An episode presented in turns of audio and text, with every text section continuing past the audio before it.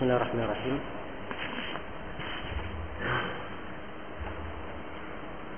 السلام عليكم ورحمة الله وبركاته. إن الحمد لله نحمده ونستعينه ونستغفره ونعوذ بالله من شرور أنفسنا وسيئات أعمالنا. من يهده الله فلا مضل له ومن يضلل فلا هادي له. أشهد أن لا إله إلا الله وحده لا شريك له وأشهد أن محمدا عبده ورسوله. يا أيها الذين آمنوا اتقوا الله حق تقاته ولا تموتن إلا وأنتم مسلمون. يا أيها الناس اتقوا ربكم الذي خلقكم من نفس واحدة وخلق منها زوجها وبث منهما رجالا كثيرا ونساء. واتقوا الله الذي تساءلون به والأرحام. إن الله كان عليكم رقيبا.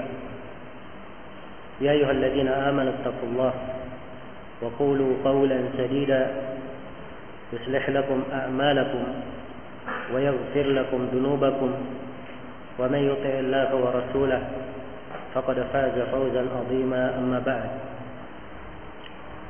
فإن أصدق الحديث كتاب الله وخير الهدي هدي محمد صلى الله عليه وعلى آله وسلم وشر الأمور محدثاتها فإن كل محدثة بدعة وكل بدعة ضلالة وكل ضلالة في النار.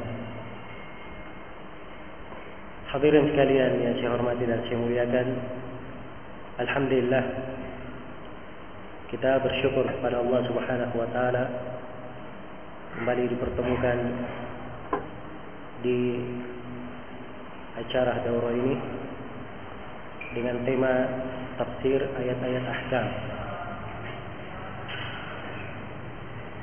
Tafsir ayat-ayat Yang mengandung hukum-hukum syariat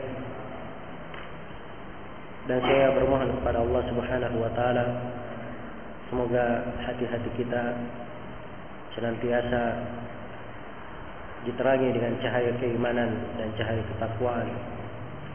Dan semoga hati-hati kita selalu menjadi hati yang bersih dan tentram dengan siraman-siraman ilmu agama manfaat-manfaat kebaikan sebagaimana saya bermohon kepada Allah Subhanahu wa taala semoga kita semua diajari diberi ilmu apa yang bermanfaat di dalam dunia dan akhirat kita dan semoga ilmu tersebut dijadikan sebagai berkah untuk kita semua di dunia dan di akhirat.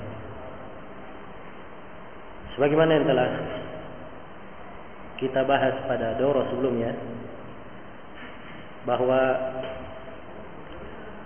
penafsiran ayat-ayat hukum itu adalah bagian dari ulumul Quran.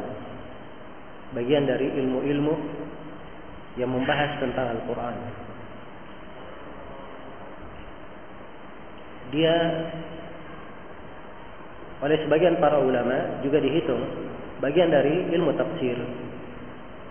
Tapi kebanyakannya menghitung Al-Quran sebagai bagian dari ulumul Quran. Ya, bagian dari ulum Al-Quran. Sebab tafsir dia terkait dengan penjelasan mana dari ayat, kandungan atau e, penjelasan dari ayat. Kemudian di dalam tafsir itu kadang para ulama memunculkan di dalam penafsiran mereka beraneka ragam ilmu Al-Quran. Apakah dalam menguraikan kaidah-kaidah penafsiran atau menguraikan kandungan-kandungan mana bahasa. Ya atau mengeluarkan padanya petikan-petikan hukum. Kalau dia terkait dengan hukum-hukum fikih, maka inilah yang disebut dengan nama ayat-ayat ahkam. Ya. Dan telah saya terangkan pada pertemuan yang telah lalu, para ulama menulis buku-buku khusus di dalam pembahasan ayat-ayat ahkam. Ada ahkamul Quran dikumpul dinisbatkan kepada Imam Syafi'i. Ya. Ada ahkamul Quran karya Ibnu Al-Arabi dari ulama Malikiyah. Dan ada ahkamul Quran karya Al-Jassas dari ulama Hanafiyah. Dan ada ahkamul Quran karya Tahawi dari ulama Hanafiyah juga. Dan ada ahkamul Quran karya Al-Kayah Ar-Rasi dari ulama Syafi'iyah. Ya.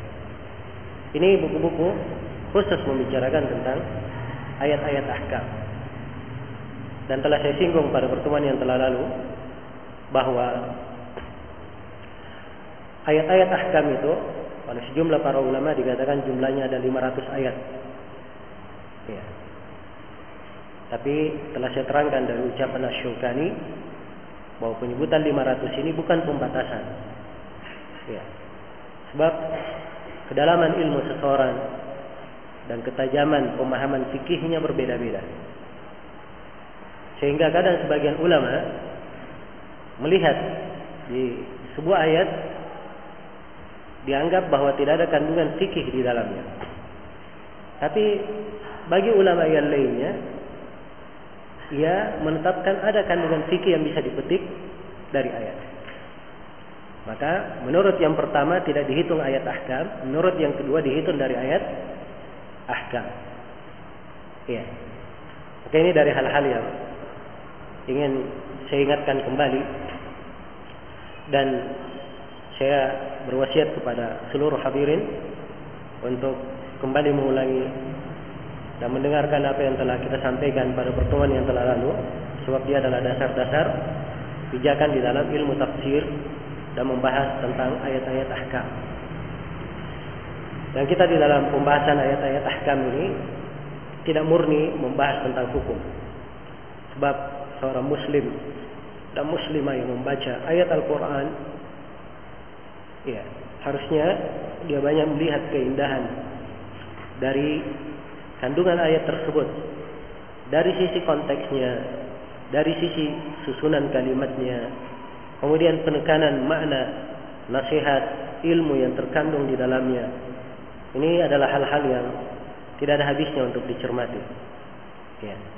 Maka demikianlah di setiap ayat yang kita akan lalui insyaallah taala dari ayat-ayat ahkam saya akan terangkan uh, kandungan-kandungan uh, lainnya dari yang berkaitan dengan masalah akidah atau berkaitan dengan masalah uh, apa ibadah atau berkaitan dengan masalah-masalah uh, akhlak dan selainnya dari perkara-perkara yang penting untuk kita ketahui. Ya. Dan pada hari ini insyaallah taala kita akan membaca tafsir dari surah Al-Fatihah. Ya, sebab dia adalah surah yang paling pertama di dalam Al-Qur'an. Maka kita akan membaca tafsir dari surah Al-Fatihah ini dan saya akan membahas sejumlah kandungan hukum-hukum fikih yang terdapat di dalam surah Al-Fatihah. Selain daripada itu saya akan isyaratkan ya tafsir dari surah Al-Fatihah ini dan saya akan sebutkan kandungan dari apa ayat per ayatnya. Ya insyaallah taala kita akan semakin apa khusyuk di dalam uh, sebab ini surah dibaca oleh setiap muslim dan muslimah 17 kali sebagai kewajiban sehari semalam. Ya. Maka tidak layak bagi seorang muslim dan muslimah yang menegakkan salat tidak mengerti tafsir dari surah Al-Fatihah. Ya. Maka saya akan bisa menafsirkan kandungan dari surah Al-Fatihah ini. Belum sebenarnya kalau ingin di apa dibahas secara mendalam tentang kandungan dari surah ini, ya, telah saya isyaratkan juga pada pertemuan yang telah lalu bahwa kadang sebagian ayat, sebagian surah Sejumlah para ulama duduk di dalam menjelaskan sebuah ayat berhari-hari dia menjelaskan ayat itu. Karena kandungan-kandungan yang terkandung di dalamnya. Ya, dan surah Al-Fatihah ini dia adalah umul Quran. Umul Kitab As-Sab'ul Masani ya. Dia adalah Asyifa Dia adalah Al-Fatihah ya, Dan selainnya dari penamaan-penamaan Al-Fatihah ya, Disebut dengan berbagai penamaan yang menunjukkan keagungannya Pentingnya Dan dia adalah surah yang paling pertama Dalam Al-Quran Bahkan sebagian para ulama berkata Bahwa seluruh kandungan Al-Quran Itu ada di dalam kandungan surah Al-Fatihah. Dan seluruh kandungan surah Al-Fatihah itu ada di dalam ayat iyyaka na'budu wa iyyaka nasta'in. Iya. Ini bagi orang yang mendengarnya, bagi orang yang mendengar ucapan sebagian ulama ini, mungkin dianggap ini adalah perkara yang berlebihan. Iya. Tapi bagi siapa yang memahami tafsir dari surah ini, dia akan menyadari betapa luas dan besarnya kandungan yang terkandung dalam surah Al-Fatihah ini. Ya, dan cukup saya isyaratkan bahwa Ibn Al-Qayyim rahimahullah atau Abu Ismail Al-Harawi beliau mengumpulkan maqamat al-ibadah, kedudukan-kedudukan ibadah bagi seorang hamba itu beliau uraikan dari satu ayat. Ya. Dari iyyaka na'budu wa iyyaka nasta'in. Ya, dari satu ayat ini beliau uraikan kedudukan-kedudukan seorang hamba dalam peribadatannya kepada Allah. Ya. Dan buku Abu Ismail Al-Harawi ini dijelaskan oleh Ibn Al-Qayyim dan sekarang dicetak dalam tiga jilid. Dengan judul Madarij As-Salikin. Satu ayat untuk tiga jilid buku. Ya. Dalam menjelaskannya, maka ini menunjukkan apa agungnya dan besarnya kandungan dari surah ini. Dan insyaallah taala saya akan mengisyaratkan makna-makna yang terkandung di dalam surah ini walaupun secara ringkas tapi kita harapkan ini membawa kebaikan untuk kita semua dan membuka hati-hati kita untuk senantiasa tadabbur terhadap kandungan Al-Qur'an, cinta untuk mempelajari makna ayat-ayat Al-Qur'an. Iya. Surah Al-Fatihah sebagaimana yang dimaklumi dimulai dengan Bismillahirrahmanirrahim. Ya. Alhamdulillahirabbil alamin. Ar-Rahmanir Rahim. Maliki yaumiddin. Iyyaka na'budu wa iyyaka nasta'in. Ihdinas siratal mustaqim. Siratal ladzina an'amta 'alaihim ghairil maghdubi 'alaihim waladdallin. Ini surah Al-Fatihah. Ya. Dia kalau dihitung tasdidnya Alhamdulillahi Lillahi itu satu Rabb dua Rabbil Alamin Ar-Rahman tiga Ar-Rahim empat Maliki Yawmid Din lima Iyaka enam Iyaka na'budu enam Wa iyaka nasta'in tujuh Ihdinas sirat as-sirat 8 Ihdinas sirat al-mustaqim sirat al-ladina al-ladina itu sudah 9 an'amta alaihim ghairil maghdubi alaihim waladdallin dallin ada dua tasydid. Tapi semuanya ada 11 tasydid ya 11 tasydid di dalam surah Al-Fatihah. Ya, dan tasydid ini kata para fuqaha harus dibaca. Siapa yang kurang dalam membaca tasydidnya tidak syah dia membaca surah Al-Fatihah. Belum dianggap membaca surah Al-Fatihah. Jelas ya? Baik. Sepakat para ulama bahwa surah Al-Fatihah jumlahnya tujuh ayat bahwa surah Al-Fatihah jumlahnya berapa? Tujuh ayat. Karena Allah Subhanahu wa taala berfirman dalam Al-Qur'an, "Wa laqad atainaka sab'an minal masani wal Qur'an al-'azim." Sungguh kami telah memberikan kepada engkau Nabi Muhammad sab'an ya. Disebut sab'an tanpa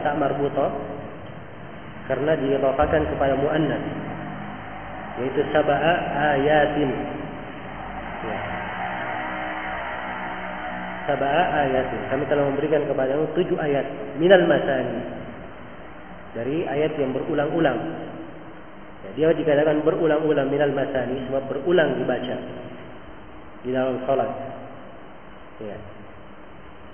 Wal Quran al-Azim dan kami berikan kepadamu Al-Quran al-Azim. Jelas ya? Jadi dari Al-Quran, Al-Fatihah dari Al-Quran. Tapi disebut dulu Al-Fatihah, kemudian disebut Al-Quran. Ini menunjukkan keagungan surah Al-Fatihah ini. Iya. Adapun keutamaan-keutamaannya, ya dan ini penyebutan keutamaan surah Al-Fatihah, pembahasannya di pembahasan tafsir. Bermana umum. Kalau tafsir ayat ahkam, kita tidak membahas keutamaan. Tapi tidak apa-apa saya isyaratkan.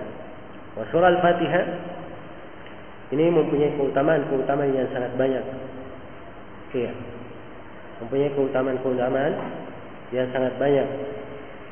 Yang hendaknya dipahami oleh setiap muslim dan muslimah bahwa bukanlah perkara yang tidak berarti atau hal yang kurang berharga ketika seorang hamba diperintah untuk membaca surah ini ya di setiap rakaat dari sholatnya ya. kalau dia sholat dalam sehari semalam lima waktu maka jumlah rakaat sehari semalam 17 rakaat ya, setiap rakaat membaca al-fatihah berarti 17 kali ini paling ringan dia membaca 17 kali kalau dia melaksanakan sholat-sholat sunnahnya maka paling minimalnya dia membaca 40 kali surah Al-Fatihah dalam sholat sunnah. Sholat rawatibnya, sholat duhanya, sholat malamnya. Iya. Baik. Dia adalah hal yang terus dibaca berulang. Dan surah Al-Fatihah disebut sebagai ar-ruqyah. Sebab dia adalah obat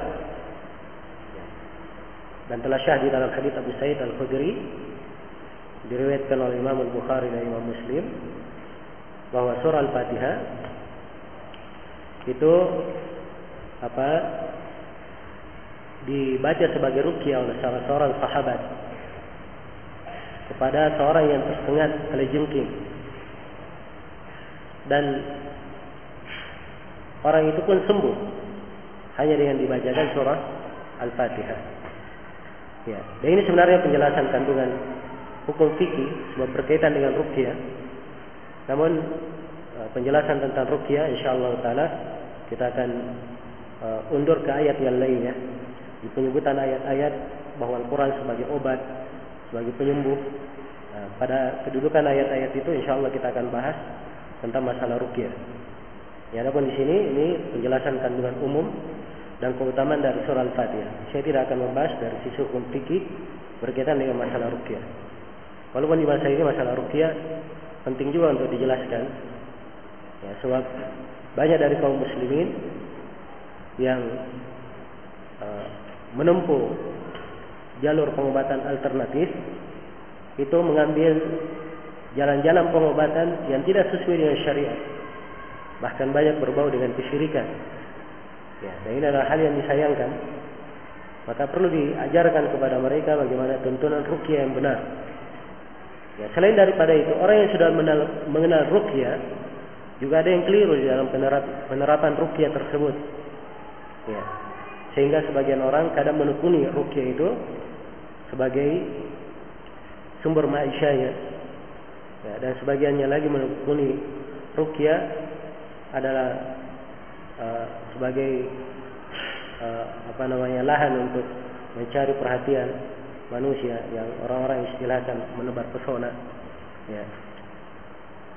Dan ini dari perkara-perkara yang mungkar. Ya. Tapi pembahasan rukyah kita tidak bahas di sini insyaallah taala di waktu yang lain. Baik. Jadi keutamaan surah Al-Fatihah sangatlah banyak. Dan di sini surah Al-Fatihah dimulai di, mushaf yang kita pegang itu dimulai dengan Bismillahirrahmanirrahim. Iya. Dimulai dengan Bismillahirrahmanirrahim. Apakah Bismillahirrahmanirrahim dia termasuk dari ayat di surah Al-Fatihah atau tidak? Ini letak silam pendapat di kalangan para ulama. Iya. Ada yang mengatakan bahwa Bismillahirrahmanirrahim itu bagian dari surah Al-Fatihah. Dan ada yang mengatakan dia bukan dari surah Al-Fatihah. Bukan dari surah Al-Fatihah. Ya. Dan pendapat yang ketiga mengatakan bahwa Bismillahirrahmanirrahim dia adalah ayat tersendiri yang dijadikan sebagai pembuka setiap surah dan pemisah antara setiap surah, tapi bukan dari surah itu. Jadi ayat tersendiri fungsinya sebagai pemisah antara surah, tapi bukan dari surah tersebut. Jelas ya? Ini tiga pendapat cara garis besar di kalangan para ulama tentang masalah Bismillahirrahmanirrahim. Apakah dia termasuk dari surah Al-Fatihah atau tidak? Dan yang benarnya bahwa Bismillahirrahmanirrahim dia adalah ayat tersendiri ya, yang menjadi pembuka antara setiap surah atau antara pemisah antara setiap surah. Ini yang benarnya.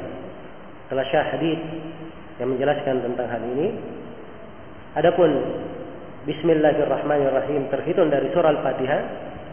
Jawabannya tidak, dia tidak terhitung dari surah Al-Fatihah. Banyak dalil yang menunjukkan tentang hal itu. Di antaranya apa yang telah syah dari Anas bin Malik diriwayat Imam Al-Bukhari dan Imam Muslim. Ya, Anas bin Malik radhiyallahu taala anhu berkata, "Ya sallaitu khalfan Nabi sallallahu alaihi wasallam wa Abu Bakar wa Umar wa Utsman." Ya. Wa kanu yastaftihuna salatahum bilhamdillahi rabbil alamin. Nah, saya salat di belakang Nabi Shallallahu Alaihi Wasallam di belakang Abu Bakar, di belakang Umar, di belakang Utsman dan mereka membuka sholatnya dengan apa? Bismillahirrahmanirrahim. Dalam sebagian riwayat ada disebutkan Ali bin Abi Thalib. Jadi belakang Nabi ada empat khulafa. Dalam sebagian riwayat dan mereka tidak menjaharkan Bismillahirrahmanirrahim tidak menjaharkannya. Iya. Kemudian di antara dalil yang lebih tegas menunjukkan bahwa Bismillahirrahmanirrahim tidak termasuk dari surah Al-Fatihah adalah hadis Abi Hurairah yang diriwayatkan oleh Imam Muslim. Rasulullah sallallahu alaihi wasallam bersabda, "Qusimatis salatu baini wa baina 'abdi nisfaini." Telah dibagi salat itu antara saya dan antara hambaku menjadi dua bagian. Ya. Apa salat yang dimaksud dibagi menjadi dua? Ya. Dalam surah Al-Fatihah. Karena itu diterangkan, "Idza qala 'abdi alhamdulillahi rabbil alamin." Kalau hambaku berkata, "Alhamdulillahi rabbil alamin," maka Allah berfirman, ya. Apa kalau si hamba berkata, "Idza qala al-'abd" apabila si hamba berkata, "Alhamdulillahi rabbil alamin," Maka Allah berfirman, Hamidani abdi. Hambaku telah menyanjungku, telah memujiku. Wa idza qala ar-rahmanir rahim, kalau membaca ar-rahmanir rahim, maka Allah berfirman, Asna alayya abdi. Hambaku telah menyanjungku. Kalau si hamba berkata maliki yaumiddin, maka Allah berfirman, Majjadani abdi. Sungguhnya hambaku telah membesarkanku, mengagungkanku. Jelas ya? Jadi di sini ketika Rasulullah mengatakan salat dibagi antara saya dan antara hambaku menjadi dua bagian. Al-Fatihah disebut dengan nama salat. Dan ini salah satu penamaan Al-Fatihah. Ya. Dan dia disebut dengan nama salat karena membaca surah Al-Fatihah pada salat menurut pendapat yang terkuat di kalangan para ulama dia adalah salah satu rukun dari rukun sholat. Yang tidak syah sholat itu kecuali kalau membaca Al-Fatihah. Iya.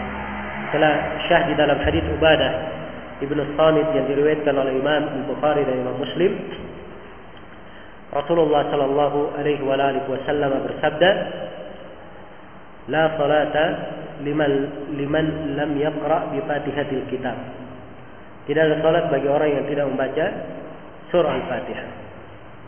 Baik. Jadi kita kembali kepada hadis Abu Hurairah. Abu Hurairah meriwayatkan dari Rasulullah sallallahu alaihi wasallam. Rasulullah bersabda bahwa Allah berfirman dalam hadis qudsi, "Qusimatis salat, qusimatis salat baina baini wa baina abdi nisfaini." Salat itu atau surah Al-Fatihah telah dibagi antara saya dan antara hambaku menjadi dua bagian. Kalau si hamba membaca Alhamdulillahirabbil alamin, maka Allah berfirman, hambaku telah memujiku. Kalau si hamba membaca Ar-Rahmanir Rahim, maka Allah berfirman, Asna alayya abdi, hambaku telah menyanjungku. Dan apabila si hamba membaca Malik Yaumiddin, maka Allah berfirman, Majjadani abdi, hambaku telah mengagungkanku. Wa idza qala iyyaka na'budu wa iyyaka nasta'in, apabila si hamba membaca iyyaka na'budu wa iyyaka nasta'in, maka Allah berfirman, "Hadza baini wa baina abdi." Ya. Wa li abdi masa. Ini antara saya dan antara hamba. Jadi iyyaka na'budu wa iyyaka nasta'in ini perantara. Ya. Dia adalah perantara antara Allah dan antara hamba. Jelas ya? Jadi tiga ayat pertama semuanya pujian untuk Allah. Ya. Ayat yang keempat itu pertengahan. Tiga ayat setelahnya itu adalah permohonan hamba dan hamba akan diberi pada apa yang dia minta. Jelas ya? Maka kandungan dari hadis Abi Hurairah ini dua hal. Yang pertama menunjukkan bahwa Bismillahirrahmanirrahim tidak masuk di dalam surah apa? Surah Al-Fatihah. Sebab kalau Bismillahirrahmanirrahim masuk dalam surah Al-Fatihah, maka akan disebut di permulaan apabila si hamba membaca Bismillahirrahmanirrahim. Ternyata tidak. Ya. Di dalam hadits qudsi langsung disebut apabila si hamba membaca apa? Alhamdulillahirabbil alamin. Jelas ya? Baik. Kemudian yang kedua, ketika diketahui bahwa pertengahan dari surah Al-Fatihah adalah iyyaka na'budu wa iyyaka nasta'in, maka menghitung jumlah ayatnya mudah. Ya, kalau iyyaka na'budu wa iyyaka nasta'in pertengahan, berarti tiga ayat sebelumnya dan tiga ayat setelahnya, kan begitu? Ya. Jadi kalau kita urut dari nomor ayat, Alhamdulillahirabbil alamin, ini ayat nomor satu. Ya. Ar-Rahmanir Rahim, ini nomor dua. Malik Yaumiddin, ini nomor berapa? Tiga. Iyyaka na'budu wa iyyaka nasta'in. Hah? Ini yang keempat. Ihdinas siratal mustaqim. Yang keberapa? Yang kelima. Baik. Yang keenam yang mana? Hah? Yang keenam dan ketujuh yang mana? Ya. Nah, di sini dikatakan oleh para ulama bagi orang yang mengatakan Bismillahirrahmanirrahim nah dihitung surah Al-Fatihah yang keenamnya Siratal ladzina an'amta alaihim berhenti di situ yang keenam Gairil maghdubi alaihim waladhdallin itu yang ketujuh jelas ya jadi Al-Fatihah tujuh ayat berulang dan basmalah tidak masuk dalam surah apa? dalam surah Al-Fatihah ya dan dalil-dalilnya jelas di dalam hal ini. Baik.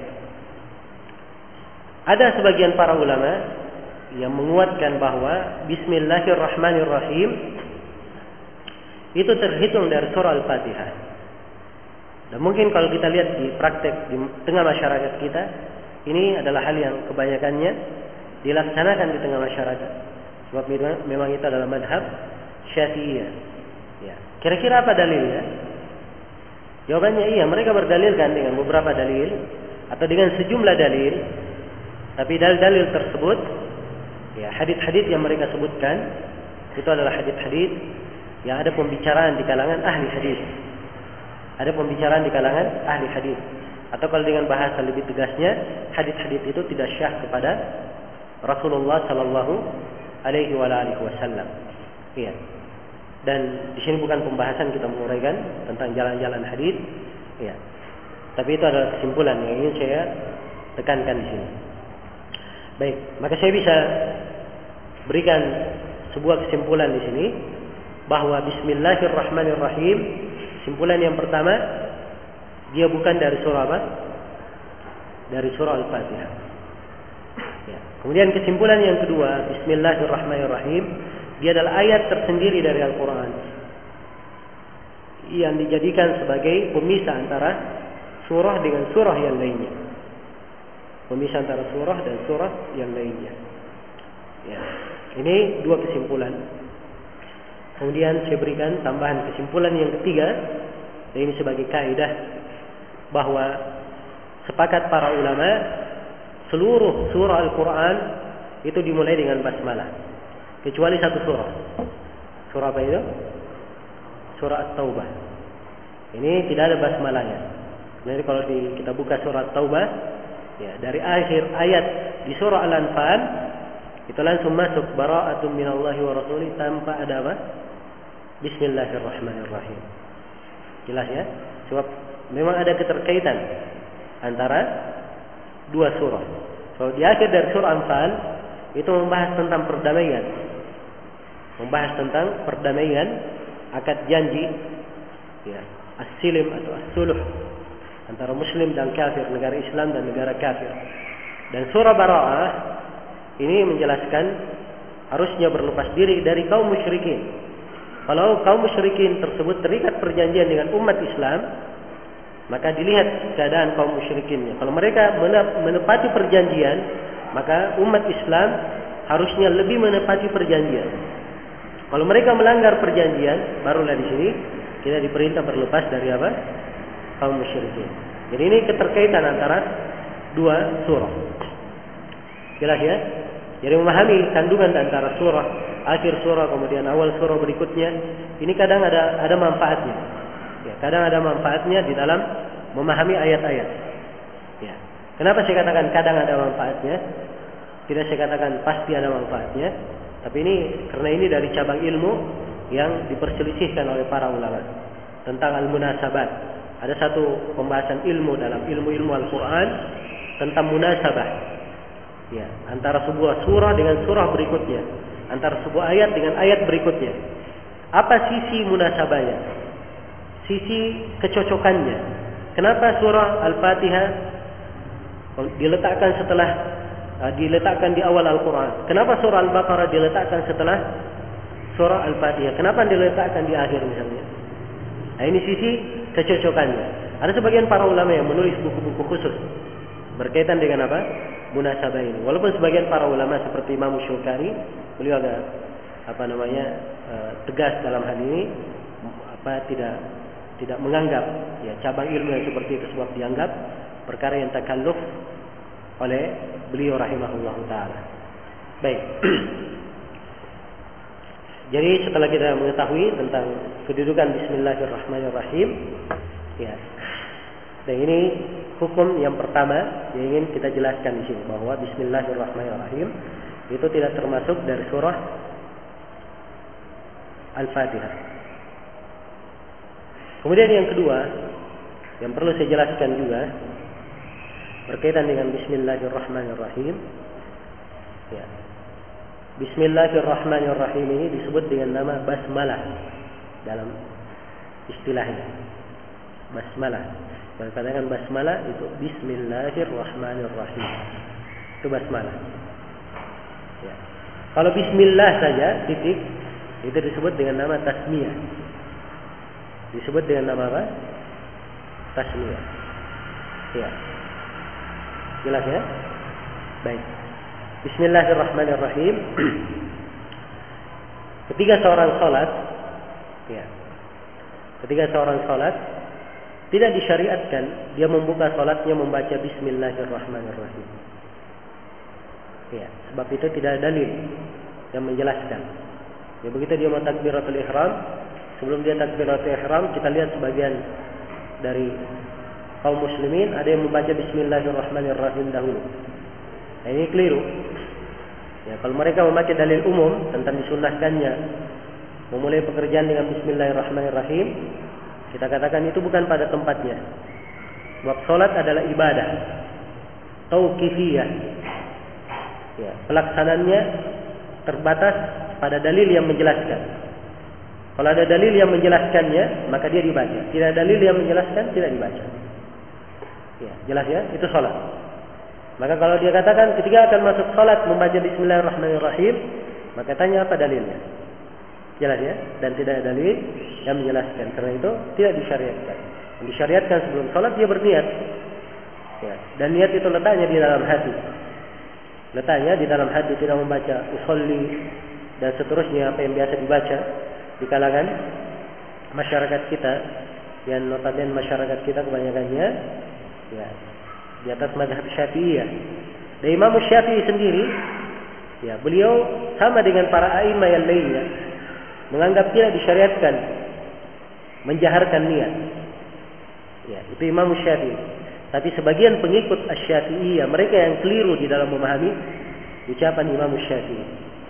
Ya, ini mungkin ini yang menjadi sebab ada yang bertanya, kenapa kalau memang Imam Syafi'i tidak berpendapat seperti itu, kenapa di kalangan orang-orang Syafi'iyah di dalam madhab Syafi'iyah ya, ditulis bahwa di apa disyariatkan menjaharkan niat maka jawabannya itu kekeliruan dari pengikut orang-orang pengikut Imam Syafi'i ya, sampai ulama besar Pengikut Imam Syafi'i saja mengingkari orang tersebut. Yang keliru itu seorang ulama yang bernama Abu Abdullah Az-Zubairi dari golongan Asy-Syafi'iyah.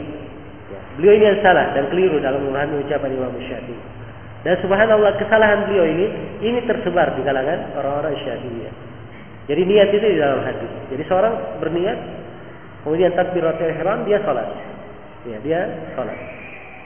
Baik, telah masuk waktu asar insyaallah taala setelah salat asyar langsung kita akan melanjutkan kajian ini. Subhanakallahumma wa bihamdik asyhadu an la ilaha illa anta astaghfiruka wa atubu ilaik walhamdulillahi rabbil alamin. Wassalamualaikum warahmatullahi wabarakatuh.